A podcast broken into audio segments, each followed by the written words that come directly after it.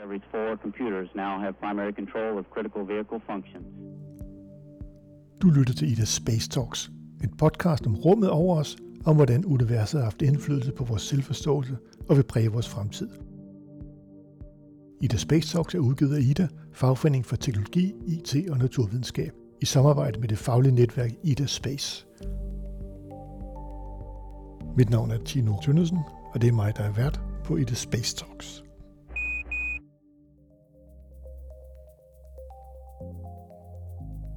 Har du nogensinde undret dig over, hvordan vi afgør, om nogle stjerner eller planeter, om det ligner jorden, mens andre ikke gør det? Og hvordan finder vi ud af, hvilke grundstoffer der eksisterer der langt ude i det uendelige univers? Det er præcis det, vi skal udforske i dag, for i dag handler det om at afkode stjernernes hemmeligheder. Og nøglen til alt det, det ligger i lyset. Lyset fra stjerner og planeter, det kan nemlig give os en afgørende information om planeters og stjerners sammensætning om deres temperatur og deres afstand fra os. Og for at gøre os klogere på alt det, har jeg inviteret Nikolas Thorn Rasmussen i studiet. Velkommen, Nikolas. Jo, tusind tak, Tino. Ja, som sagt, jeg hedder Nikolas. Jeg er til daglig studerende på Københavns Universitet. Jeg er i gang med en kandidat i astrofysik. Smukt. Det er jo lige ja. sådan gæster, vi godt kan lide her i, ja. i, i, i den Space Talk. Jeg er glad for, at du kunne komme, Nicolas. Jeg har sådan tænkt på, hvordan tager man fat på det her. Først og fremmest handler det vel om, hvordan stjerner dannes. Hvordan, hvordan, hvordan dannes en stjerne? Jo, altså det er jo en, det er jo en lidt lang proces. I, i uh, rumtid kan man jo godt sige, det er meget hurtigt. Ja. Men vi starter jo egentlig med at have nogle store skyer fyldt med gas. Mm. Og de her skyer, jamen, de skal jo på et tidspunkt godt kunne kollapse. Ja. For at ja, man kan danne en stjerne, ellers så har de jo meget, meget lav densitet. Øhm, og er faktisk ikke så anvendelige. De kan ikke lave fusion på det her punkt. Men for at de kan det, så skal de selvfølgelig også være kolde. Fordi hvis de er varme, så bliver de jo bare ved med at bevæge sig. Så strålingstrykket sørger for, at den skubber gassen længere ud, når den prøver at falde sammen, og der er lige noget, der bliver skabt. Øhm, så, så det, der kommer til at ske, det er, når den er kold, jamen, så begynder den lige så stille. Man kan nærmest sige, at den kondenserer. Er ligesom duk på en rude, når du begynder at lave dråber. Hvad så med lyset? Hvor kommer lyset fra fra en stjerneblade? Øh, når vi kigger op på himlen, så ser vi jo bare en masse prikker. Og hvad er det? Ja, jamen, det er jo egentlig en rest fra øh, fusionsprocessen. Når den begynder at lave tungere og tungere grundstoffer, jamen, så har den rigtig, rigtig meget stråling, der så bliver sendt ud. Øh, så det, det er egentlig et affald fra øh, selve fusionsprocessen. Når vi har for eksempel hydrogen, og det så skal fusioneres til helium og ja, beryllium, lithium, alle de der, der er lidt mere ustabile. Ja. Plus carbon til allersidst, og jern og... Ja, så, så frigiver de energi i fusionsprocessen, og den energi, der bliver frigivet, det er i form af fotoner. Så det vil sige, at den laver lys hver gang det bliver til et tungere grundstof. Det er vel det, der også sker på solen? Ja, Okay. Ja, det er lige præcis. Så når vi kigger op og ser lysende prikker, så er det stjerner og ikke planeter? Nogle planeter, de kan jo godt lave genskær. Ja, lidt ligesom vi, vi kan jo se også op på månen, når øh, for eksempel der er fuldmåne, så øh, laver den jo genskær fra solen. Ja. Og det ser vi ret tydeligt. Måneskin. Netop det, det er faktisk ret interessant, fordi øh, inden for det med eksoplaneter, ja. der kan man jo også kigge på, er det en eksoplanet, man kunne bo på eller ej, og hvordan er dens atmosfære? Og det er ikke, fordi man sender noget op og tjekker sådan på den her planet, hvad er der på den her atmosfære? Men du ser simpelthen på lyset, som solen udsender, og så ser du på det lys, som ekoplaneten reflekterer. Okay. Og ligesom i vores egen atmosfære, den ved vi, den beskytter os også mod UV-stråling. Ja. Så skal vi se det samme ske på de her eksoplaneter, at øh, jamen, de kan absorbere noget af den her stråling, og så sender de det tilbage, som de ikke absorberer. Og så kan vi finde ud af, hvad er der på den. Det vil sige, at det er egentlig lyset, som fortæller os alt om en stjerne. Ja, altså øh, lys, det er jo ikke kun det, som vi egentlig kan se. Det er jo egentlig elektromagnetisk stråling. Så der er ting, man kan se, som er i det visuelle spektrum, og det, som man ikke kan se, som for eksempel radiobølger og mikrobølger. Ja. Der vil jeg gerne lige nævne radiobølger. Ja. Fordi der er det rigtig interessant, som jeg nemlig lige nævnte her tidligere. Når stjerner de bliver dannet, så skal det være en kold hydrogensky, der kollapser. Mm-hmm. Og når den er kold, så er der, jeg mener det er 1 ud af 10 millioner, I må ikke hænge mig op på det, øhm, af de her atomer, der øh, laver en spin-flip-transition, hedder det. Det er egentlig bare, at den afgiver noget energi og udsender en bølge. Og den bølge, den sender ud, det er en, øh, hvad hedder det, en radiobølge. Det er 21 cm. Og når du så egentlig peger sådan et radioteleskop ud, og kigger på de her 21 cm bølger, så kan du finde ud af, hvor der kan være stjernedannende områder. Altså, hvor der er stjerner, der er ved at danne sig. Ja, eller der i hvert fald er mulighed for, at de kan danne sig. Okay. Fordi den eneste årsag til, at den kan udsende den her form for stråling, det er, at det er en stor hydrogensky, og den er kold. Og det er lige præcis det, man har behov for, for at kunne skabe de her stjerner. Hvis nu øh, vi kigger på en, en stjerne op på nattehimlen, hvad er det, der er ved det lys, og, og, hvad, og, og hvad kan det mere fortælle os? Herfra nede fra jorden, så ser vi jo ikke så stor forskel. Sådan det mest, hvor stærkt det er, men nogle af dem virker jo lidt mere blå, og nogle virker lidt mere røde. Øhm, og der er der igen rigtig mange faktorer, der spiller ind. Nogle gange, så kan det jo være, at det kan være en rød kæmpe, en stjerne, der er altså ved at dø. Det er det, vi forventer, vores egen sol bliver til. Mm-hmm.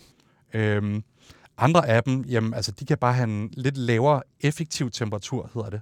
Altså en overfladetemperatur. Og det udsender jo egentlig bare et mere rødt lys. Og nu snakker vi også om grundstofproduktion. Fusion inde i stjerner. Der er jo mange forskellige grundstoffer, men som astrofysiker er det super nemt, fordi vi siger, at vi har hydrogen, vi har helium og vi har metaller. Øhm, så alle andre grundstoffer, der bliver dannet ved hjælp af fusion, jamen det, det kalder vi for metaller. Og jo flere der er af dem, jamen jo højere en metallicitet, siger vi, en stjerne har. Ja. De her grundstoffer, de er med til at absorbere noget af UV-strålingen, der ellers bliver udsendt. Så det vil sige, den stråling, der er meget høj energi, det lys, der er virkelig kraftigt, det absorberer det lidt. Så selvom en stjerne samme størrelse, samme temperatur, men det kun er metalliciteten, metalliciteten, der er forskellig, jamen, så vil den se rødere ud end dens identiske partner. Udelukkende fordi metalliciteten er højere. Så det fortæller os, at der er en, en større mængde metaller på det objekt, vi kigger på. Ja, lige præcis. Kan de så fortælle os, hvilke metaller der er? Det kan det faktisk godt. Og øh, der kommer vi egentlig ind i et felt, som jeg aldrig har været glad for. Det er kvantemekanik. Men når man kigger på det fra en astrofysikers synspunkt, så, så giver det pludselig meget mening. Inden for kvantemekanikken, der fandt man ud af, nemlig i starten af 1900-tallet, at der var specifikke energiniveauer for elektroner inde i atomer. Og det vil så sige, at hvis de hopper mellem det, som Niels Bohr så kalder for skaller, jamen så modtager den energi, jamen så hopper den over til en anden skal. Og når den frigiver energi, jamen så hopper den tilbage til en mere stabil position og udsender en foton. Mm-hmm. Og det er faktisk præcis det samme, der var med den her ja, kold hydrogen øh, gassky. Ja, hvor den så netop hopper tilbage til en mere stabil position. Og det sker meget sjældent. Og det fotonspring, det er så det, der giver lyset. Ja, man tænker jo normalt, jamen lys, jamen, det er jo et spektrum. Der er ikke nogen hårde grænser. Alt er blødt, men alt er hårdt.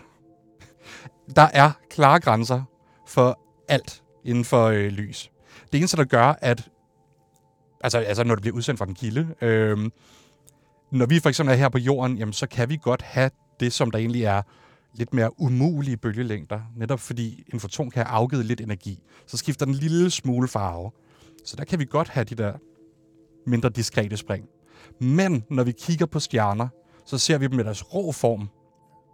Og det, som de gør der, det er, at de har et fantastisk spektrum, hvor du kan se, når der bliver postet energi ind i dem, og når de frigiver den energi igen, så har de nogle specifikke områder, hvor de enten ikke er, eller præcis er. Okay. Hvis det giver mening. Ja, men du må gerne prøve at uddybe det lidt. Jo, fordi de, de kan netop både absorbere, men de kan også emittere. Afgive lys. Afgive ja. lys, lige præcis. Øhm, så man kigger normalt på det, der hedder et absorptionsspektrum. Og når man ser det absorptionsspektrum, jamen, så kan man se for specifikke grundstoffer, hvor er det, den absorberer allermest energi? Hvilke fotoner er det? Hvilken form for lys er det, den suger til sig? Og når man så kigger op på solen, jamen, så kan du netop kigge på de der specifikke linjer og finde ud af, jamen, hvilke grundstoffer er der egentlig i solen? Og det er så det, man kan kopiere på alle andre stjerner. Det er det nemlig. Der kan de godt være lidt anderledes, selv inden for vores, eget, øh, hvad er det, vores egen galakse, inden for Mælkevejen så varierer det jo også selv, netop fordi hastigheder er forskellige. Vi bevæger os enten væk fra hinanden eller tættere på hinanden. Og når der er så store afstande, jamen, så mærker man det også på lyset. Det vil sige, enten bliver det skubbet lidt sammen, eller også så bliver det strukket lidt. Når det bliver skubbet sammen, så hedder det blåforskudt, og når det bliver strukket, så er det en rød Lige for at spole en lille smule tilbage, hvordan kommer lyset igennem rummet? Er det bare bølger, der bare, så rammer de os helt tilfældigt? Man siger jo både, det, det er en bølge og det er en partikel, og den del af fysikken er jeg ikke helt inde i. Jeg kigger bare ud og ser, hvad jeg kan se. Men, men den, den, den bevæger sig egentlig gennem rummet, fordi der egentlig ikke rigtig er noget modstand derude. Der er meget, meget lidt. Altså rummet er jo ikke absolut tomrum. Nej, nej. Det er meget, meget tæt på absolut tomrum, men det er ikke absolut tomrum. Og på rejsen fra, lad os sige, der er et objekt, der er 10.000 lysår væk, jamen så er der jo også en masse støv, der ligger imellem, hvor den også kommer til at ramme ind i støvet, og ja. giver noget energi til det, hvor det så bliver omdannet egentlig fra strålingsenergi til, til en kinetisk energi i sådan en støvpartikel. Og hvad kan vi bruge det til? Der kan vi faktisk bestemme lidt. Altså, nu, nu er det med støv, for eksempel. Der kan vi jo finde ud af, hvor meget støv der er imellem os, hvis vi har nogle lidt standardreferencer. Det er lidt svært øh, at vurdere, i hvert fald for mig som studerende. Men, men til gengæld, så er der jo det der... Nu, nu bliver det endnu et spring igen. Altså, øh, universet, der udvider sig, og ting, der bevæger sig væk fra hinanden. Det er forskellige former for øh, forskydning. Men hvis vi er tæt på, som for eksempel inde i vores egen galakse, jamen, så drejer vi jo rundt i spiralarmene. Man kan se det, når man prøver at observere en anden spiralarm fra jorden. Øhm, der prøvede jeg for eksempel at gøre det med et radioteleskop. Der var jeg så heldig, at jeg havde en chef, der sagde yes på øh, Københavns Universitet til, at jeg ville have sådan et.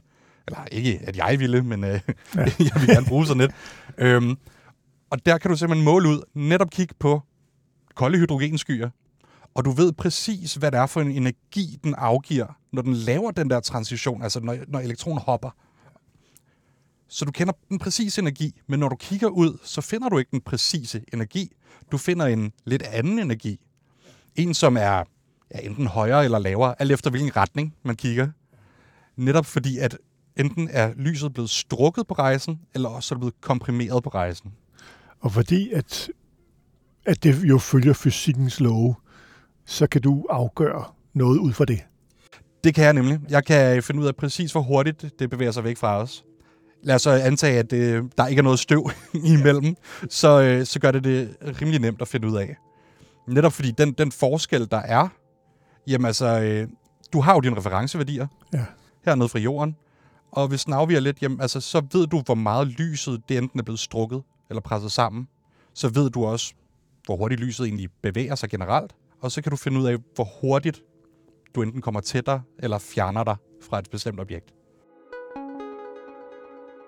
Når nu lys rejser øh, gennem universet, så, så er det jo rigtig gammelt lys. Og derved så kigger vi jo egentlig tilbage i tiden.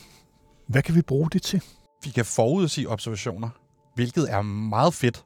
Fordi hvis vi har nogle... Nu har vi nogle... Eller ikke hvis vi har. Vi har faktisk nogle solide modeller i forhold til, hvordan stjerner udvikler sig.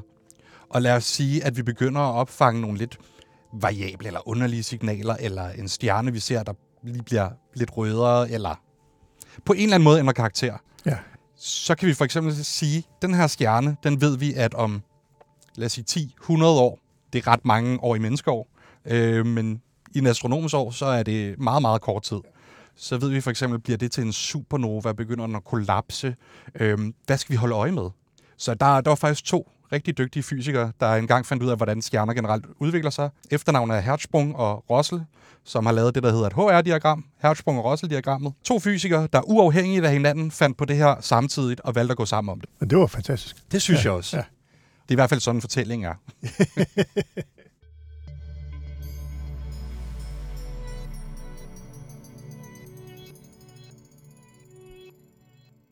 Nikolas, de her absorptionslinjer, hvordan arbejder man med dem? Det er jo ikke nogen, du ser sådan helt naturligt. Newton, han øh, fandt ud af, hvordan lyset det egentlig sådan kunne sprede sig i alle regnbuens farver. Og dem, dem ser vi jo overalt, og nu forstår vi jo også, hvordan de bliver spredt og finder ud af, jamen altså, det er faktisk også på grund af den energi, de har, at de bliver spredt i den vinkel, som øh, lyset kommer ind ved. Den måde, som de egentlig bliver øh, afbøjet på, Ja. øh, farverne, det er i forhold til deres energier. Så det er også det, man kan se, når man ser en regnbue, der dukker op. Det er altid den samme rangorden af farver. I de her farver, så er der faktisk også skygger, Nå. fordi der er ting, der bliver absorberet fra nogle andre grundstoffer, eller ja, molekyler for den sags skyld også. Og det ser vi igen rigtig meget hernede på jorden. Lyset bliver ændret markant Ja. fra vores sol i forhold til, når man er på den anden side af atmosfæren. Netop fordi de absorberer de her linjer, jamen, den måde, man jo kan se det på, der brugte Newton jo et prisme. Mm-hmm. Øhm, der bruger vi mere noget, der hedder et diffraktionsgitter. Øhm, det er egentlig bare et gitter med en masse små, fine optiske linjer i. Ja. Og det kan så sprede lyset ud, når du så ja, selvfølgelig sender lys igennem det. Det vil sige, at, at du kigger på stjernen igennem det, eller du får stjernens lys igennem det, og så spreder det lys ud i et spektre. Lige præcis. Og så kan du se, hvor der er nogle specifikke streger, som for eksempel er netop de der absorptionslinjer. Okay. Og der bruger man igen også referenceværdier, ligesom man har her på jorden. De der laboratorieværdier med, at så kan du faktisk tage en, en heliumlampe eller en neonlampe, Ja. og så se, hvilke absorptionslinjer laver den. Så prøver man at få det til at passe ind i de her andre modeller. Okay, det vil så sige, at de enkelte grundstoffer har et fingeraftryk. Ja, Ja. ja. de har en meget specifik signatur. Og det er også det, der er så interessant netop, når vi kigger på eksoplaneter, fordi der ser du, hvad er det absorptionen, øh, eller hvad er det øh, atmosfæren absorberer. Hvordan ser man så, at der er flere forskellige? Øhm, den måde, du gør det på, det er jo, at du har bare flere referenceværdier. Lad os sige, om du har argon, om du har metan, om du har vanddamp. Alt sammen har en specifik signatur.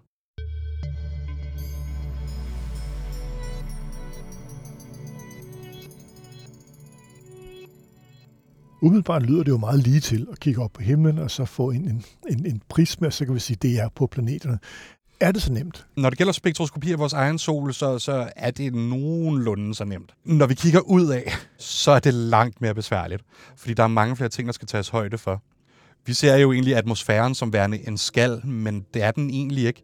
Det er jo et slags hav, der bevæger sig meget hurtigt, og det bølger, densiteter ændrer sig. Ligesom vi ved, når vi har lavtryk og når vi har højtryk, Mm-hmm. så kan det ændre sig hele tiden i ens position, fordi det er ret mange kilometer, man skal kigge igennem, bare for at nå på den anden side. Ja. Så du kommer hele tiden til at have nogle små variationer. Også temperaturændringer jo.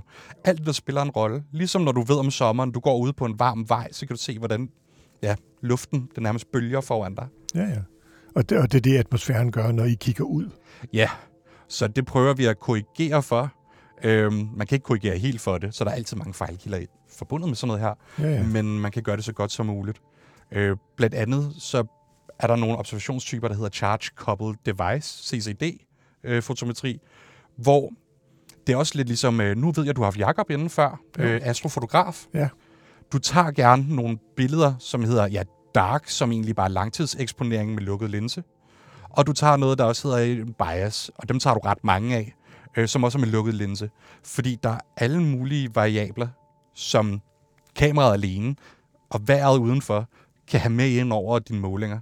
Og så prøver du lidt at korrigere for dem. Så er der også ja, sky flats, øh, lamp flats, hvor du egentlig også prøver igen at korrigere for, hvis nu mit kamera det kigger på en uniform lyskilde, hvordan ser den så dataen? Fordi den kan jo ikke sige præcis det samme i hver eneste pixel. Nej. Det kan ændre sig lidt, og det er det, man prøver sådan at korrigere for. Det med, at vi har en atmosfære, det er lidt træls for de fleste øh, astronomer. Det vil være lidt nemmere, hvis man bare lige hurtigt kunne tage et smut ud. Ja, selvfølgelig. Hvilken betydning har det så med alle de her satellitter, der, der kommer op? Der går ikke lang tid før, der er fyldt op med satellitter. Au, det gør der selvfølgelig. Det heldigvis, så mange af dem er kortlagt, men meget af skrottet er ikke. Nej. Og der har været nogle problematikker med, ja, nu nævner jeg ikke nogen landenavne, men, men der er flere lande, der iblandt, der godt kan lide at øh, have spionsatellitter, og så skyder de dem selv i stykker, Mm-hmm. øh, når de synes, de er færdige med dem. Og det giver jo en masse forbandet rumskrot. Og nu er der så også, ja, ja det er så Elon Musk Starlink. Jeg ved, mange astrofotografer er ikke så glade for det, når de skal tage langtidseksponerede øh, billeder. Ja, det er jo klart. Fordi lige så ser du bare en stribe af hvide lys, der kommer forbi.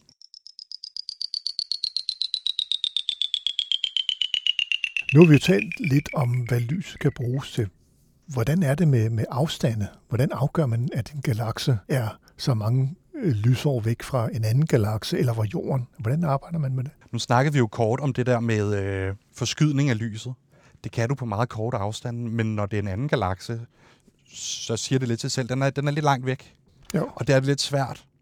Og der kan der være en masse støv også imellem, der forstyrrer. Men den måde, man faktisk gør det på, det er, ved, at man har noget, der hedder et standard candle. Det er faktisk en supernova. Aha. Fordi den her type supernova, det kommer fra en hvid dværg, som får en masse på cirka 44 procent øh, større end solens. Det vil altså sige, at det er en død stjerne, men som har lidt mere masse. Når den når den her grænse, så kollapser den ind i sig selv. og så bliver den til en supernova, og det gør den altid ved den her masse. Okay. Det vil sige, at vi ved præcis, hvor meget lys, der kommer fra sådan en. Så når vi kigger ud, så bruger vi gerne de her ja, små supernovaer til at finde ud af, hvad er distancen dertil. Fordi hvis man også kender lidt til afstandskvadratloven og sådan noget, så ved man også, hvordan intensiteten af lyset det falder i forhold til distancen. Aha. Så du har simpelthen en referenceværdi, du ved er ja, meget høj. En supernova lyser ret kraftigt, øh, for at sige det mildt. Men når den er så langt væk, så ved du nogenlunde, hvor meget den burde lyse.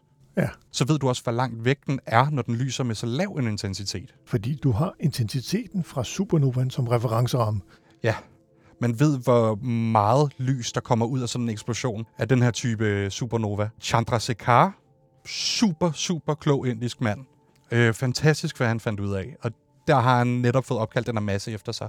Det er Chandrasekhar Limit, eller Chandrasekhar Mars, som netop er 1,44 eller 44 gange solens masse. Og det er altid der, den vil eksplodere, hvis den opnår den masse. Okay, og så kan man regne frem eller tilbage. Ja, lige præcis. Det lyder meget enkelt. Ja, det lyder meget enkelt. Ja. Jamen, det, øh, I og for sig er det jo egentlig også, når du endelig har fundet sådan en supernova et sted, Ja, ja. Jamen, så ved du, hvor langt væk den er. Men så kommer der jo det andet problem oveni. Er det faktisk så den type supernova, eller er den anden? For har vi holdt øje med det her objekt, inden den eksploderer, eller ser vi den først i det, den eksploderer?